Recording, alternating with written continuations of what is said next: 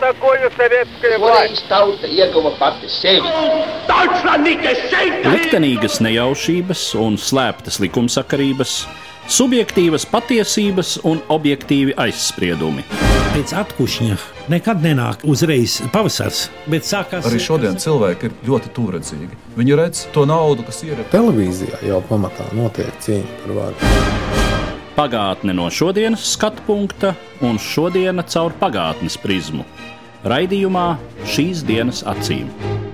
Katru svētdienu Latvijas radio eterā Eduards Liniņš. Labdien, cienījamie klausītāji! Esiet sveicināti šī gada pirmajā raidījumā, kurā mēs tomēr vairāk atskatīsimies uz to, kas ir noticis pagājušā gadā, un varbūt arī ilgākā laika posmā. Mans sarunbiedrs studijā Latvijas Republikas valsts prezidents Egīls Levita kungs. Labdien! Labdien!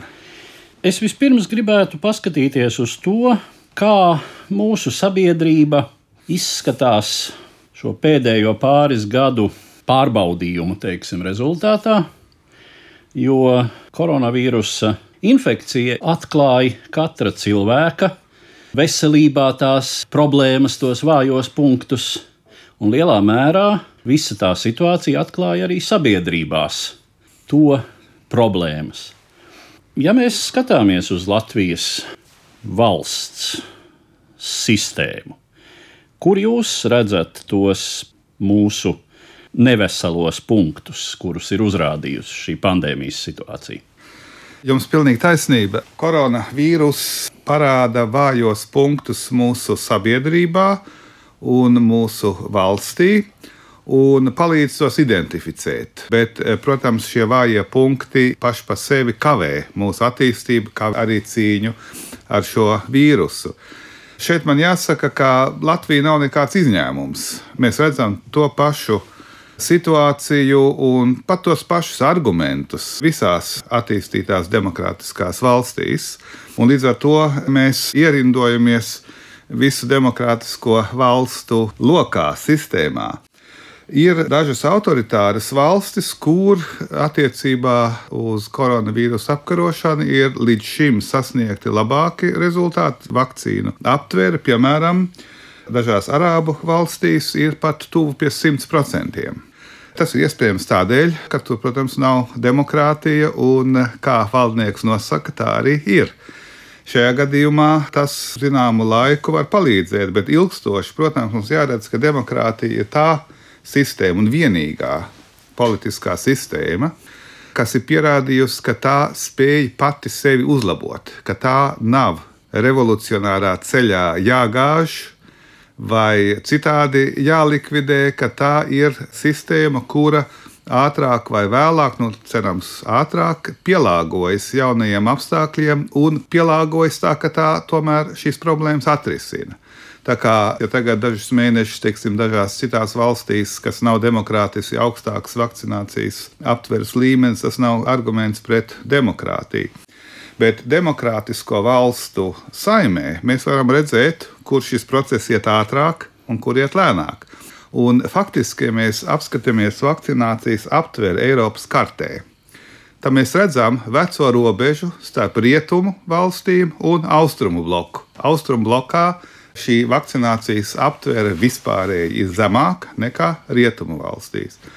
Un mēs, protams, varam jautāt, kādēļ tā ir, un mēs varam arī mēģināt atrast atbildes. Es arī esmu mēģinājis šīs atbildes rast, un manā uztverē tur parādās šis un tas no mūsu joprojām padomju gadu mantojuma.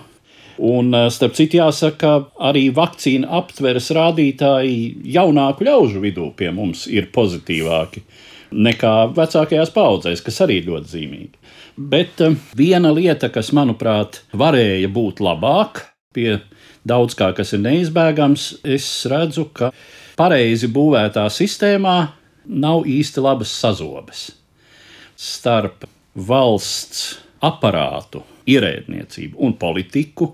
To mēs, es domāju, sevišķi spilgti redzējām nesakārtotībā, kas bija pašā sākumā ar vakcīnu iegādāšanos un izplatīšanu. Un eh, pārāk vāja sazobe starp sabiedrību un politiku. Manuprāt, diezgan daudzi no tiem cilvēkiem, kur protestē pret valsts lēmumiem vakcinācijas ziņā, to dara tāpēc, ka viņi jūtas neievēroti. Viņi jūt valsts neieinteresētību, un viņi beidzot grib pievērst sev uzmanību.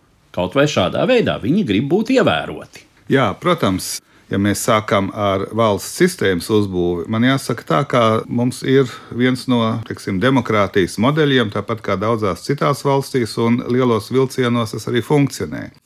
Mēs nevaram sagaidīt daudz kvalitatīvākus lēmumus no valsts politikas, jo, protams, sabiedrība ievēl savus politiķus. Un mums ir tāda saima, kas atspoguļo diezgan precīzi arī šo sabiedrības fragmentāciju un e, varbūt arī skriešanu pakaļ populistiskiem lozungiem. Tas jau viss, protams, atspoguļojas arī saimā. Tā kā pēc tam sagaidīt ļoti kvalitatīvus lēmumus e, ir drusku utopiski. Bet eh, runājot par valsts aparātu uzbūvi, jā, patiešām ir tā, ka mūsu valsts aparāts ir uzbūvēts klasiski. Ir klasiskās ministrijas, ārlietu, aizsardzības, iekšlietu, tieslietu un tā tālāk. Bet mūsu sabiedrība, mūsu ekonomika ir kļuvusi daudz, daudz sarežģītāka nekā tā bija pirms simts gadiem, kad mēs iedibinājām šo sistēmu. Un ir radušās veselas jaunas politikas jomas, kas mums nav nosakts attiecīgu politiku. Piemēram, digitālā politika. Gandrīz visās Eiropas valstīs ir digitālā politika, par ko atbilst attiecīgais ministrs. Bet, eh, piemēram, mums demogrāfija, bērni, ģimene, demogrāfija mums ir diezgan katastrofāla situācija, bet kurš īsti par to atbild valdībā? Mēs nevaram pateikt. Atbildība ir sadalīta, piemēram, par bērniem starp piecām ministrijām. Sanāk darba grupa, Katrs pasaka savu viedokli, izklīst, un, protams, nekāda politika no tā nerodās. Tas ir viens struktūrāls vājums Latvijas valsts pārvaldībā. Citas valsts, protams, ir gājušas līdz laikam un padarījušas arī savu valdības struktūru sarežģītāku, tādā veidā, kad ir diferencētāka atbildība. Es lieku priekšā arī ieviest valsts ministra posteni, ja ministru kabinets to vēlas, sākot ar nākamām vēlēšanām. Tā kā iespējams, ka, ja to pieņems, tas varētu uzlabot tieši šīs jaunās, modernās politikas pārvaldību. Pārējot pie valsts un sabiedrības, man jāsaka, ka valsts un sabiedrība mēs iedomājamies, ka tās ir divas dažādas lietas. Bet valsts un sabiedrība ir tieši tas pats cilvēks, vai tieši tie paši cilvēki. Es šeit kā indivīds, kā persona, esmu vienlaicīgi gan sabiedrības loceklis un darbojos kā sabiedrības pārstāvis, un es esmu vienlaicīgi valsts loceklis, respektīvi pilsonis, un darbojos kā pilsonis. Tagad jautājums par līdzdalību, par to, ka cilvēki jūtās neievēroti. Es domāju, ka Latvija tai ziņā ir varbūt priekšgalā daudzām citām valstīm. Latvija piedāvā līdzdalības iespējas krietni vairāk nekā, piemēram, vecās demokrātijas. Līdzdalības formas ir nevalstiskās organizācijas, arī indivīds var darboties un likt priekšā savus priekšlikumus, tad jau tuvāk politikai caur politiskām partijām darboties. Ja mēs apskatāmies mūsu politiķu biogrāfijas, tad mēs redzam, ka tie nav tā kā vecās demokrātijās gājuši cauri 10, 20 gadus partiju filtrā lai pēc tam, kā sakot, izfiltrējot spējīgākos no savas partijas, tiesa nonāktu saimā. Mums ir tieši iespējams no ielas nonākt saimā. Tas ir gan labi, gan slikti. Labi tādā ziņā, ka tie cilvēki, kas tur ir nonākuši, daudz vairāk atspoguļo mūsu sabiedrības caurmēru nekā vecās demokrātijās, kur ir šis filtrs slikti tādēļ, ka šo cilvēku spēja pieņemt kvalitatīvus lēmumus varbūt nu, nav tik izteikta, kā varbūt tad, ja tu esi tiešām ilgstoši darbojies politikā. Tā kā es nevērtēju, ka ir ļoti slikta situācija ar sazobi starp sabiedrību un valsts politiku. Un eh, es noteikti saku, ka šī sazobe ir daudz stiprāka nekā vecās demokrātijās, jo tu tieši vari nokļūt politiskajā pozīcijā un tad pieņemt lēmumus Un tu drīz jau redzi, ka tu tiec uzreiz kritizēts, tu tiec ievēlēts kritizējot politiku, un divus mēnešus vēlāk tevi kritizē. Tas ir tāds Latvijas īpatnība, kas varbūt nav citur. Un uh, daudz cilvēku jūtās atstumti, bet tad, protams, var teikt, nu labi, tad iesaistieties politikā dažādos veidos, kas mums tiek piedāvāti. Mums ir vispār unikāla situācija starp 190 valstīm pasaulē, ka mums valdības sēdes ir atklātas. Tas nekur citur nav, jo tas nozīmē, ka valdības sēdēs cilvēki bieži domā, kā viņi izskatīsies no ārpuses, ja viņas vēro. Un tas atkal, protams, negatīvi atspoguļojās uz attiecīgo lēmumu pieņemšanas kvalitāti. Tas atkal parāda šo diezgan lielo sazobi starp sabiedrību un valsti. Bet problēma ir tā, ka tā varbūt netiek tā īsti novērtēta, un tas tāda pavirša attieksme, teikt, nu, es šeit kaut ko domāju, kaut ko teicu, bet lūk, valdība to neņem vērā. Jo tu nesi, kas sakot, attiecīgi to aiznesis līdz valdībai ar savu sabiedrisko organizāciju, dabūjis piekrišanu no daudziem, daudziem citiem cilvēkiem. Tā kā es teiktu, mums ir savas īpatnības, kuras dažreiz varbūt ir pozitīvas, bet, teiksim, attiecībā uz demokrātijas kvalitāti, es teiktu, tas mums nāk pa sliktu. Es starp citu Jūsos klausoties, atcerējos vienu sarunu pirms daudziem gadiem ar kādu savu draugu, un es tā izteicu savas pārdomas, varbūt man arī mēģināt eh, darboties politikā, un tad viņš teica, nu, tu tiešām gribi kļūt par vienu no simts vislamātākajiem un gānītākajiem cilvēkiem šajā valstī. Es domāju, ka tas tā patiešām arī ir. Un arī daudzi iedzīgi, labi cilvēki, varbūt tieši šī iemesla dēļ, negrib iet politikā un kādu laiku pārstāvēt savu domu sabiedrībā un valstī. Jo mums ir šī pamatnostādne, ka valstī viss ir slikti, līdz ar to arī pozitīvam ir daudz grūtāk iesakņoties, daudz grūtāk pavērst pozitīvā virzienā. Nu, man jāsaka, tā ir mūsu politiskā kultūra, jācenšas tā mainīt, bet nu, pagaidām tas tā ir. Vēlējums mūsu izglītības sistēmai tad apzināties šo Latvijas īpatnību, ka pie mums cilvēks var ļoti ātri nonākt, kā jūs teicāt, no ielas politikā, un tad nu, vienīgais filtrs ir skola, kas var uh, audzināt daudz maz saprātīgi domājošus un politiski domājošus pilsoņus. Es jums pilnīgi piekrītu. Izglītībai ir tiešām izšķiroša nozīme sabiedrības un līdz ar to arī valsts attīstībai. Un e, mums līdz šim ir varbūt pārāk maz piešķirta nozīme skolas izglītībā, bet arī ārpus skolas izglītībā, arī mūža izglītībā. To, ko sauc par politisko izglītību vai politisko prasmi. Turpinājumā palūkosimies plašāk uz to, kas notiek šajā reģionā, un te ir vēl viens ļoti nopietns izaicinājums, ar ko mums ir nācies saskarties pēdējā gada laikā proti situāciju uz vairāku Eiropas Savienības valstu un Baltkrievijas robežas ar eh, migrantu pieplūdumu un mēģinājumiem šo robežu nelegāli šķērsot. Un, eh, ja mēs palūkojamies uz to, kā uz šo visu reaģēja Eiropas politiskā vide, tad sevišķi sākumā nu, tur bija tādi signāli, ka mēs necelsim sienas, Bija jautājumi arī no mēdījiem, no Eiropas, no Ziemeļamerikas mēdījiem, vai tomēr uh, Latvijas, Lietuvas, Polijas spēka struktūras adekvāti apietas ar šiem cilvēkiem. Cik lielā mērā jūs redzat uh, šeit problēmu vai pašpasludinātajam prezidentam Lukašenko zināmā mērā izdodas šādā veidā šūpot Eiropas vienotību? Domāju, kā jūs teicāt, pašpasludinātajam prezidentam Lukašenko neizdodas pārstumt šos migrantus uz Eiropas Savienības teritoriju. Tas, protams, rada problēmas arī viņam pašam, Baltkrievijā, jo nu, ilgstoši tur tiem cilvēkiem tas arī pašiem Baltkrievu iedzīvotājiem nevisai patīk. Tādēļ, starp citu, arī varbūt medijos, kas ir mazāk pamanīts, ir vairāk tūkstoši cilvēku arī atgriezti atpakaļ savās izcelsmes zemēs, pamatā uz Irāku.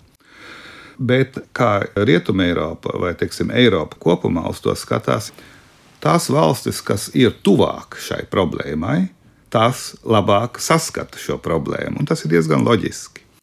Tās, kas ir tālāk, tām varbūt šī problēma ir svešāka, un tās varbūt nepamana to, ka situācija ir būtiski mainījusies nekā tā bija 2000. gada sākumā. paiet zināms laiks, un arī šīs valstis atskārst, ka šī ir jauna problēma, kas mums tagad jārisina. Mēs redzam arī zināmu kustību arī Eiropas komisijas nostājā šajā jautājumā. Kā Eiropas komisija iepazinusies ar šo problēmu, saprot, ka tā ir jārisina, un Eiropas komisija arī atbalsta mūsu pozīciju. Tad, kad bija krīze ar migrantiem, bēgļiem 15. gadā Grieķijā, Itālijā, es domāju, ka nu, Latvija arī nepārmērīgi uztraucās normālais cilvēks uz ielas par šo jautājumu. Tas viņus neskāra. Un jāiedomājas, ka arī otrādi tas tā varētu būt. Bet šī situācija ir nobriedusi, lai tā kļūtu par visas Eiropas Savienības problēmu. Tas ir galvenais. Tā nav tikai mūsu problēma, nav Latvijas, Lietuvas un Polijas problēma. Tā ir visa Eiropas Savienības problēma, un tā tiek arī attiecīgi risināta. Un es domāju, ka tas parāda, cik ļoti svarīgi ir tas, ka mēs esam šajā Eiropas Savienībā, kā mēs neesam vieni šajā situācijā. Es vēl gribu pieskarties vienam šīs eh, situācijas aspektam, un tas ir mediju lomai, mediju situācijai. Jo proti visās šajās valstīs, kuras šī krīze ir skārusi, Eiropas Savienības valstīs, medijiem faktiski ir liekta pieeja hibrīda konflikta zonai. No mana žurnālista skatu punkta mēs mediji par daudz pašsaprotam pieņēmām to, ka spēka struktūras liedz žurnālistiem piekļuvi. Protams, ir skaidrs, ka ierobežojumi ir neizbēgami. Es teiktu, ka mēs paši ar savu nostāju sagaidījām attiecīgi prognozējamu reakciju jau no atsevišķu politiķu puses, kuri tagad jau ir mēģinājuši diktēt, kā vispār mēdījiem būs traktēt šo problēmu. Ka, teiksim, nav pieņemams, ka šos migrantus medijos, un konkrēti bija runa par sabiedriskiem medijiem, atspoguļo citādi kā vien hibrīda kara ieroci ka runāt par viņu cilvēciskajām problēmām, par viņu humāno situāciju, tas nozīmē kļūt par Lukašenko sabiedrotiem. Tāds bija konkrēti Nacionālās apvienības politiķa iesaulnieka kungu uzstādījums. Viņam piebalsoja vairāk citi politiķi. Es domāju, ka mēs, žurnālisti, paši pieņemot šo situāciju, kā pašsaprotam, ka mūs tur nelaiž, tad nu, mēs tā sacīt atdevām politiķiem pirmo pozīciju, nu, viņi turpina uzbrukumu jau nākamajai līnijai. Es domāju, ka medijiem ir eh, ļoti būtiska eh, loma demokrātijā atspoguļot situāciju pēc iespējas objektīvi. Īsta objektivitāte tā vai tā ir diezgan utopiska. Tāpēc ir nepieciešama plurālistiski sabiedriskie mēdīji, kur ir attiecīgas plurālistiskas domas arī atspoguļotas. Tieši man jāsaka, ka mums ar sabiedriskiem mēdījiem ir jārūpējas, lai būtu tiešām šis plurālisms. Bet attiecībā uz konkrētām situācijām to jāredz uz vietas, cik tālu tur ir mēdījiem pieejami šī konflikta reģioni, lai civiliedzīvotāji, ieskaitot, protams, arī žurnālistus, netiek īsti apdraudēti. Attiecībā uz mēdījiem man jāsaka, ka mēdīju plurālisms ar dažādiem viedokļiem ir ļoti izšķirošs. Un sabiedriskiem mēdījiem ir tieši tādēļ, jau viņi ir, kad ir šis plurālisms. Tagad paskatīsimies uz to, kā mūsu situācija izskatās globāli, ko pasaule ir piedzīvojusi šajos pandēmijas gados. Un, nu, es gribētu uzdot tādu ļoti vispārīgu jautājumu. Vai jums šķiet, ka ar mūsdienu rietumu demokrātiju notiek kādas pārmaiņas, kas maina tās kvalitāti pašos pamatos. Jā, tā mēs varam teikt, ka pēc tam, kad Padomu Savienība bija sabrukusi, un eh, kur starp citu ir ļoti liela nozīme šajā sabrukumā arī tieši latviešiem. Līdz ar to tā ir eh, laikam vienīgā vai gandrīz vienīgā reize latviešu vēsturē, kad eh, latvieši ietekmēja pasaules kārtību. Pēc tam, kad Padomju Savienība bija sabrukusi, tad demokrātijas svinējām savu uzvaras gājienu, un daudzas valsts kļuva demokrātiskas. Starplaikā situācija ir mainījusies, tagad 30 gadus vēlāk, un jau kādus pāris gadus mēs runājam par zināmu demokrātijas teiksim, irdināšanu. Un var redzēt, ka demokrātijai, kā sistēmai, kā iekārtai, ir zināmas problēmas kas sakņojās pašā demokrātijas iekārtā. Ļoti lielu lomu šeit spēlē sociālie mediji. kas ļauj iesaistīties viedokļu veidošanā ļoti daudziem cilvēkiem, bez tā, kā tiek radīta diskusija. Un šeit ir problēma. Jo viedoklis, kas tiek formulēts, dabūna pretviedokli, bet demokrātija paredz, ka ir diskusija fórums un ka tiek apsvērti argumenti un beigās nonāk pie kaut kādas sintēzes. Tas sociālos mēdījos nenotiek, līdz ar to tas ir viens no galvenajiem iemesliem sabiedrības sašķeltībai. Ne tikai Covid jautājumā, bet praktiski jebkurā jautājumā, kad ir grūti panākt kaut kāda veida saprātīgu kompromisu, saprātīgu konsensu. Tas, protams, demokrātijai nenāk pa labu. Šo situāciju izmanto spēki un e, politiķi, kuri šo sašķeltību izmanto savās šaurajās interesēs, piedāvājot vienkāršus risinājumus, kur nav nepieciešams ilgstošas diskusijas, bet kur ir aplami risinājumi. Bet cilvēki redz to kā glābiņu un arī balso par viņiem. Tā nav specifiski Latvijas problēma. Tā ir faktiski visu demokrātisko valstu problēma, vai gandrīz visu demokrātisko valstu problēma, kas varbūt nenovērt tieši pie autoritāras valsts, bet kas noved pie demokrātijas kvalitātes samazināšanās. Demokrātiskie lēmumi tādā veidā ir mazāk kvalitatīvi, respektīvi mazāk atbilst vēlmēm un interesēm, ar nepareiziem risinājumiem, mēģinot risināt reālas problēmas. Divas reizes bija Demokrātisko valstu konferences samits, kur eh, man bija iespējams arī piedalīties. Pirmo reizi 94. gadā Nikaragvā kad pēc 90. gada daudzas valsts kļuva demokrātiskas un apvienotās nācijas organizēja pirmo demokrātisko valstu sanāksmi Nikaragvā, kas arī bija tajā laikā kļuvusi par jauno demokrātiju. Es toreiz pārstāvēju Latviju. Un e, bija teiksim, zinām, veidā tāda eifórija. Tagad demokrātija pārņems visu pasauli. Tā izrādījās nepareiza. Un tagad, decembra sākumā, Amerikas prezidents Baidens rīkoja tādu online samitu, samits demokrātijai, kur bija ielūgtas pasaules demokrātiskās valstis. Es arī piedalījos šajā samitā un runāju par demokrātiju un tehnoloģijām. Un tur, protams, visi teica, ka demokrātija zināmā veidā krīzē, un mums ir jāstiprina demokrātijas izturība. Un tas bija tas vārds eh, vai jēdziens, kas visur tika lietots, un patiešām mums arī jāskatās, kā mūsu demokrātija var kļūt izturīgāka. Laba alternatīva demokrātijai nav. Visas iespējamās alternatīvas novedīs pie vēl sliktāka rezultāta.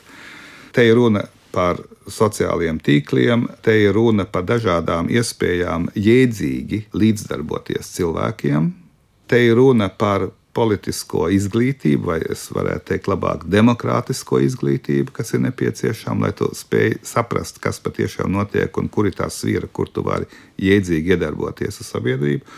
Un citi pasākumi. Tā kā es domāju, ka starplaikā tā problēma ir apzināta, vairāk vai mazāk pat globālā līmenī starp demokrātiskām valstīm. Un nu, es sagaidu, ka nākamajos gados būs arī dažādas iespējas šo jautājumu risināt. Jo Vēlreiz atgādināšu, demokrātija ir vienīgā valsts iekārta, kas spēj attīstīties tālāk un risināt savas problēmas pati. Visas pārējās iekārtas, ja tās problēmas pārauga attiecīgo iekārtu, tā iekārta tiek likvidēta, aiziet nebūtībā. Bet demokrātija ir tā, kas spēj pielāgoties jaunai situācijai un atrast risinājumus. Pat labi, mēs atrodamies šādā situācijā, kad mēs meklējam risinājumus šai demokrātijas zināma veida krīzei. Viens risinājums, atkal skatoties no varbūt šauri profesionālas perspektīvas, ir tas, ka tradicionālie mediji lielā mērā pārvietojas uz šo sociālo tīklu vidi, un uh, žurnālisti kļūst pamazām par blogeriem, sociālo tīklu ietekmētājiem un mācās šo jauno komunikāciju. Tas ir viens, un acīm redzam, tas nav pietiekams pretlīdzeklis. No otrs ir, acīm redzot, ikvienam ir zināmā mērā jākļūst, ja ne par žurnālistu, tad par profesionālu plasītāju, sociālo tīklu satura uztvērēju. Nu, tas ir, ko mēs dēvējam par mediju pratību. tajā brīdī, kad šis jēdziens radās, tad tiešām mēs runājām joprojām pamatā par medijiem. Ka tur ir viltus informācija, tur ir propaganda, manipulācijas. Protams, sociālie tīkli to ir padarījuši kvantitatīvi daudzkārt lielāku, un tur jau darbojas tādi stihiski procesi, kurus pat neviens īpaši neorganizē. Jā, teiksim, jūs minējāt mediju pratību. Mediju pratība plašā nozīmē, tas nozīmē gan kvalitatīvie mediji, ko mēs zinām, žurnāli, laikraksti, radio, televīzija gan arī sociālajie mēdīji. Tas viss ietver mēdīju pratībā. Starp citu, mēdīju pratība bija viens no punktiem, kuru es uzsvēru tieši arī kā iespēju cīņai ar demokrātijas krīzi šajā Amerikas prezidenta rīkotajā demokrātijas sametā. Bet es neteiktu, ka tā ir tīri stihiska. Tā ir diezgan labi organizēta, un to faktiski veido lielie internetu koncerni, Facebook un, un citi kuri, protams, netiešā veidā ietekmē saturu. Tas ir viens, bet arī Krieviju vai Ķīnu tieši tur tiek ļoti precīzi izmantot sociālā mēdīja, lai ietekmētu šo sabiedrību. Gan nogriežot iespējas ārpusē informēties, gan arī masīvi propaģējot savu politiku. Tas tiek ar algoritmiem, kas sakot, stūrēts ir ļoti svarīgi apzināties, ka tas nav pilnīgi nejaušība, kas tur ir sanākusi. Bet jūs minējāt arī klasiskos mēdījus. Klasisko mēdīju loma tiešām ir mazinājusies, bet mēs redzam, ka klasiskie mēdīji, uzticami mēdīji, kvalitatīvi mēdīji, un šīs divas īpašības atšķir arī pašu mēdīju vidū kvalitatīvos un uzticamos no pārējiem ka tie ir ārkārtīgi svarīgi kvalitatīvai politikai. Un jo vairāk cilvēku savu informāciju smelsies no tādiem avotiem, jo kvalitatīvāk būs demokrātija, respektīvi viņa rīcība. Es teiktu, ka pie kvalitatīviem mēdījiem, protams, pieder profesionāla žurnālistika, bet tur pieder, kas mums ir samērā vāja mēdīņu kritika. Piemēram, es labprāt nākamajā dienā eh, lasītu profesionālus atzinumus par iepriekšējās dienas televīzijas, radioraidījumiem, preses rakstiem, kur ir izvērtēts tīri no profesionālā viedokļa, es skolotu arī skatītāju. Tā kā šeit mums būtu vēl jāpiestrādā, lai būtu šāda žurnālistikas kritika. Bet es teiktu, ka Latvija, jo mēs esam viena no pirmajiem, kas ir nonākuši šajā informatīvā kara situācijā, mums šī apziņa ir lielāka nekā daudzās citās valstīs. Tā kā globāli man jāsaka, demokrātiskā pasaule ir uz pareizā ceļa, bet atrodas tikai ceļa sākumā, un mēs, starp citu, esam viena no pirmajiem. Prieks dzirdēt pats gada sākums, un uh, droši vien vēl ir vietā kāds novēlējums. Ko jūs gribētu iesākot šo 2022. gadu, vēlēt pirmkārt raidījumu šīs dienas acīm, klausītājiem, bet līdz ar viņiem jebkuram? Mēs esam šajos nepilnos divos gados dzīvojuši ar šo pandēmiju, un eh, mēs redzam kļūdas, un mēs redzam arī to, kas ir bijis pareizi es novēlētu visiem, gan valdībai, gan politiķiem, gan sabiedrībai kopumā mācīties no šīs pieredzes un attiecīgi pieņemt pareizākus lēmumus nedrošā situācijā. Un es gribu to uzsvērt, nedrošā situācijā. Ja situācija ir droša un paredzama, tad ir viegli pieņemt pareizu lēmumu. Bet nākamais gads, diemžēl, būs nedrošs un neparedzams. Neparedzama būs omikrona attīstība. Ir ziņas, ka piemēram Ķīnas vakcīna maz iedarbojās uz omikronu. Protams, ja Ķīnā tas eh, attīstās, tad, protams, arī pasaules ekonomika cieši. Enerģētikas cenas ir eh, pēkšņi 5-6 reizes paaugstinājušās visā pasaulē. Tas nav tikai Latvijas problēma. Situācija nav paredzama, un eh, vislielākā māksla politikā ir neparedzamā situācijā pieņemt pareizus lēmumus. Tas, protams, attiecās uz valdību, attiecās uz politiku bet tas attiecās arī uz katru pilsoni, uz katru iedzīvotāju. Lai mēs atskatoties nākamā gada decembrī, varētu teikt, jā, vairāk vai mazāk bija pareizi. Un, ja es atskatos uz 21. gadu, tagad, es teiktu, ka lielos vilcienos bija pareizi. Bija vesela virkne kļūdas, no kā mēs varējām izvairīties, bet principā virziens bija pareizs. Nākamgad, kad mēs atskatīsimies, es gribētu, ka tās kļūdas būtu bijušas 22. gadā mazāk nekā šogad. Tas ir mans novēlējums.